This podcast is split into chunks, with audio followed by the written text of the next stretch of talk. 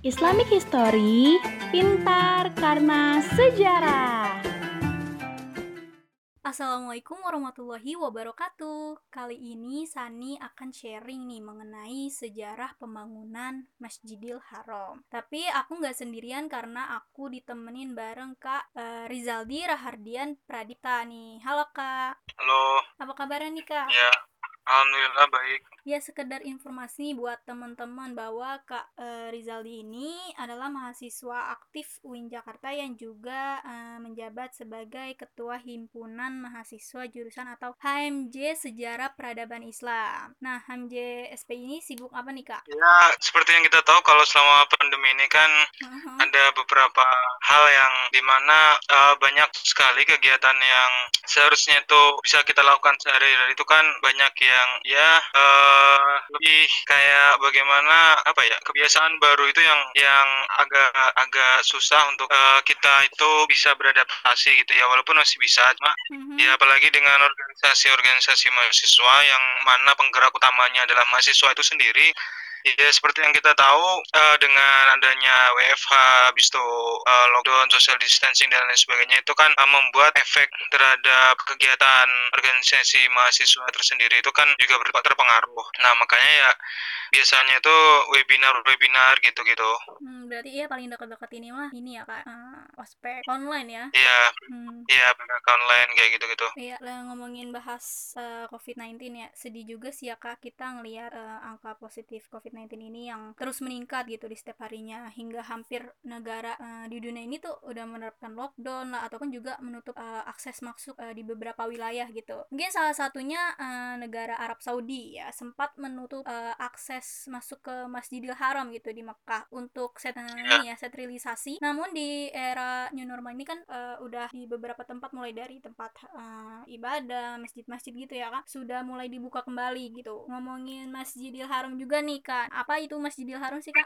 Ya sebenarnya kan Masjidil Haram, Masjidil Haram itu kan uh, intinya kan itu dulu itu uh, tempat beribadah mm-hmm. yang mana di tengah-tengahnya itu kan ada Ka'bah itu. Nah di situ ya lebih untuk memudahkan uh, dulu itu ibadah haji itu lebih mudah gitu, iya, dan, kayak gitu. Dan untuk apa nih Masjidil Haram itu dibangun gitu? Iya dulu kalau lihat sejarahnya Masjidil Haram itu dibangun ya pertama itu untuk memudahkan eh, orang-orang uh, yang mau beribadah ke tanah suci. Jadi dari sholat ini sebagainya itu lebih dimudahkan. Cuma uh, itu kan dulu mau uh, kemauan dari Nabi Ibrahim dan Ismail kan mendapat mendapatkan wahyu untuk bangun Ka'bah. Nah makanya dari situ dibangun juga Masjidil Haram untuk memudahkan. Itu kan kayak uh, tembok sekeliling di Ka'bah itu kayak masjid mm -hmm. itu kan. Yeah, yeah. Nah itu dimudahkan. Itu digunakan untuk biar orang-orang yang ingin melaksanakan ibadah haji itu lebih mudah untuk beribadah gitu. Nah, walaupun hmm. setelah itu ada apa ya pergeseran pergeseran apa ya istilahnya pergeseran fungsi eh hmm. bukan fungsi iya pergeseran fungsi karena ketika uh, agama tauhidnya Ibrahim itu apa namanya uh, seperti apa ya jadi kayak dulu itu setelah sebenarnya kan niatnya itu kan buat itu untuk ibadah tanah suci ketika agama tauhidnya Ibrahim itu dibawa. Nah, tapi dengan berkembangnya zaman ketika itu akhirnya uh, Ka'bah itu menjadi dulu itu sempat menjadi uh, ibadahnya kaum pagan gitu karena ketika bahkan ketika zaman Rasulullah pun hmm. itu Ka'bah itu ada sekitar 300-an lebih berhala di situ. Nah, itu sebenarnya yang uh, pembangunan Ka'bah itu agak melenceng di zaman itu gitu karena justru yang harusnya itu dipakai untuk beribadah kepada Allah yang menjadi kiblat uh, semua umat muslim tapi dulu sempat menjadi tempat kumpulan berhala-berhala dari orang-orang Arab ketika itu gitu. Ya, kayak gitu. uh, lantas fungsi utama Masjidil Haram ini sebagai tempat ibadah kemudian? Tempat ibadah dan juga kiblat. Hmm. kiblat bagi umat hmm. muslim di seluruh dunia gitu. Nah itu fungsi utamanya. Karena kan dulu ketika Nabi Ibrahim sama Ismail itu mendapatkan wahyu kan uh, ya emang fungsinya itu Allah tuh mewahyukan agar membangun Ka'bah. Dan itu sebagai itu di dibangun sebagai itu kayak rumah Allah atau baitullah kayak gitu. Ya sebagai uh, fungsi tempat ibadah juga kan uh, tempat sa'i ataupun tawaf juga gitu ya Kak. Iya. Nah, kemudian mengapa Masjidil Haram ini uh, dibangun uh, di sekitar Ka'bah gitu? Ya, itu tadi yang alasan yang pertama itu untuk hmm. memudahkan orang-orang itu melakukan ibadah tanah suci. Jadi kalau cuma dibangun Ka'bah saja itu kan uh, untuk apa namanya? Untuk melakukan ibadah itu kan agak kesulitan karena pertama ya kondisi geografisnya pertama. Kondisi geografisnya kan ya panas habis itu uh, jalannya terjal. Nah makanya dibangunlah Masjidil Haram agar itu mudahkan nah selama melakukan eh, selama dari zaman ke zaman akhirnya Masjidil Haram itu diperluas, direnovasi sampai hmm. sampai kayak gini itu kan ada kalau nggak salah empat kali renovasi. Nah hmm. di situ akhirnya ya lebih membuat nyaman aja gitu. Kalau sekarang coba kalau kita bayangkan dulu misalnya uh, Masjidil Haram itu masih kayak sama yang pertama dulu panas, yeah, habis itu juga uh, jalanannya kurang bagus gitu untuk melakukan tawaf juga kurang nyaman kalau sekarang kan hmm. dengan terus di Masjidil Haram terus direnovasi oleh pemerintahan Arab Saudi ya akhirnya ya kita lihat sampai sekarang kayak gini yang fasilitasnya lebih lengkap yang lebih nyaman untuk melakukan ibadah tanah suci dan lain sebagainya. Iya, ya kayak gitu. Jadi sekarang lebih memudahkan ya kak. Nah terus uh, apa sih keistimewaan dari Masjidil Haram ini nih? Uh, keistimewaannya ya? Hmm.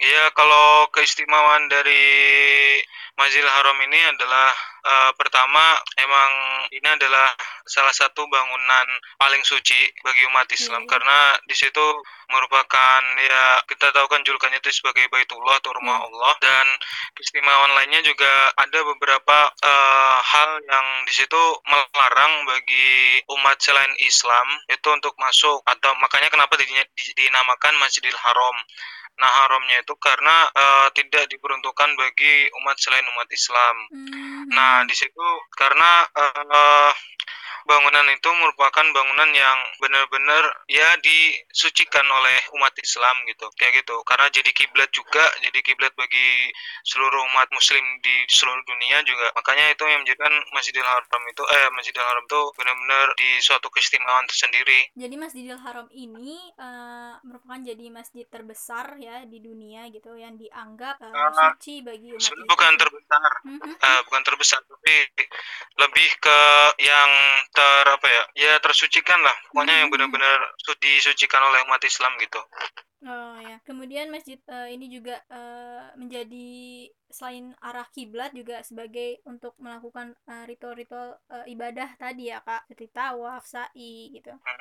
Terus iya nggak sih kak uh, Masjidil Haram ini juga sebagai satu-satunya masjid uh, yang diberikan jaminan gitu ke keamanannya oleh Allah gitu. Bahwa siapa pun yang memasukinya itu akan merasa selamat aman gitu. Iya pastinya. Makanya ibadah uh, ke masjid sholat yang di Masjidil Haram itu kan uh, apa ya pahalanya itu beri beribu-ribu kali lipat dari hmm. masjid di sholat di masjid biasa ya karena merupakan apa ya ya Masjidil Haram itu rumah Allah jadi benar-benar disucikan banget gitu sama umat Islam kayak gitu. Hmm Oke. Okay. Oh ya sebelumnya nih, kakak sendiri uh, apa sudah pernah ke Masjidil Haram? Uh, belum. nah ya, sama aku juga belum. Jadi semoga kita dapat diberi kesempatan sama uh, Allah Subhanahu Wa Taala untuk uh, ibadah langsung gitu di sana. Tentunya dengan uh, senantiasa memperbanyak doa, usaha, ikhtiar dan uh, istiqomah juga. Ya kak, terima kasih telah menyempatkan waktunya untuk sharing dan transfer pengetahuan baru. Semoga apa yang kita sampaikan dapat bermanfaat dan menjadi menjadi uh, ladang pahala untuk kita semua. Amin. Amin. Wassalamualaikum warahmatullahi wabarakatuh. Time to say goodbye to Islamic history.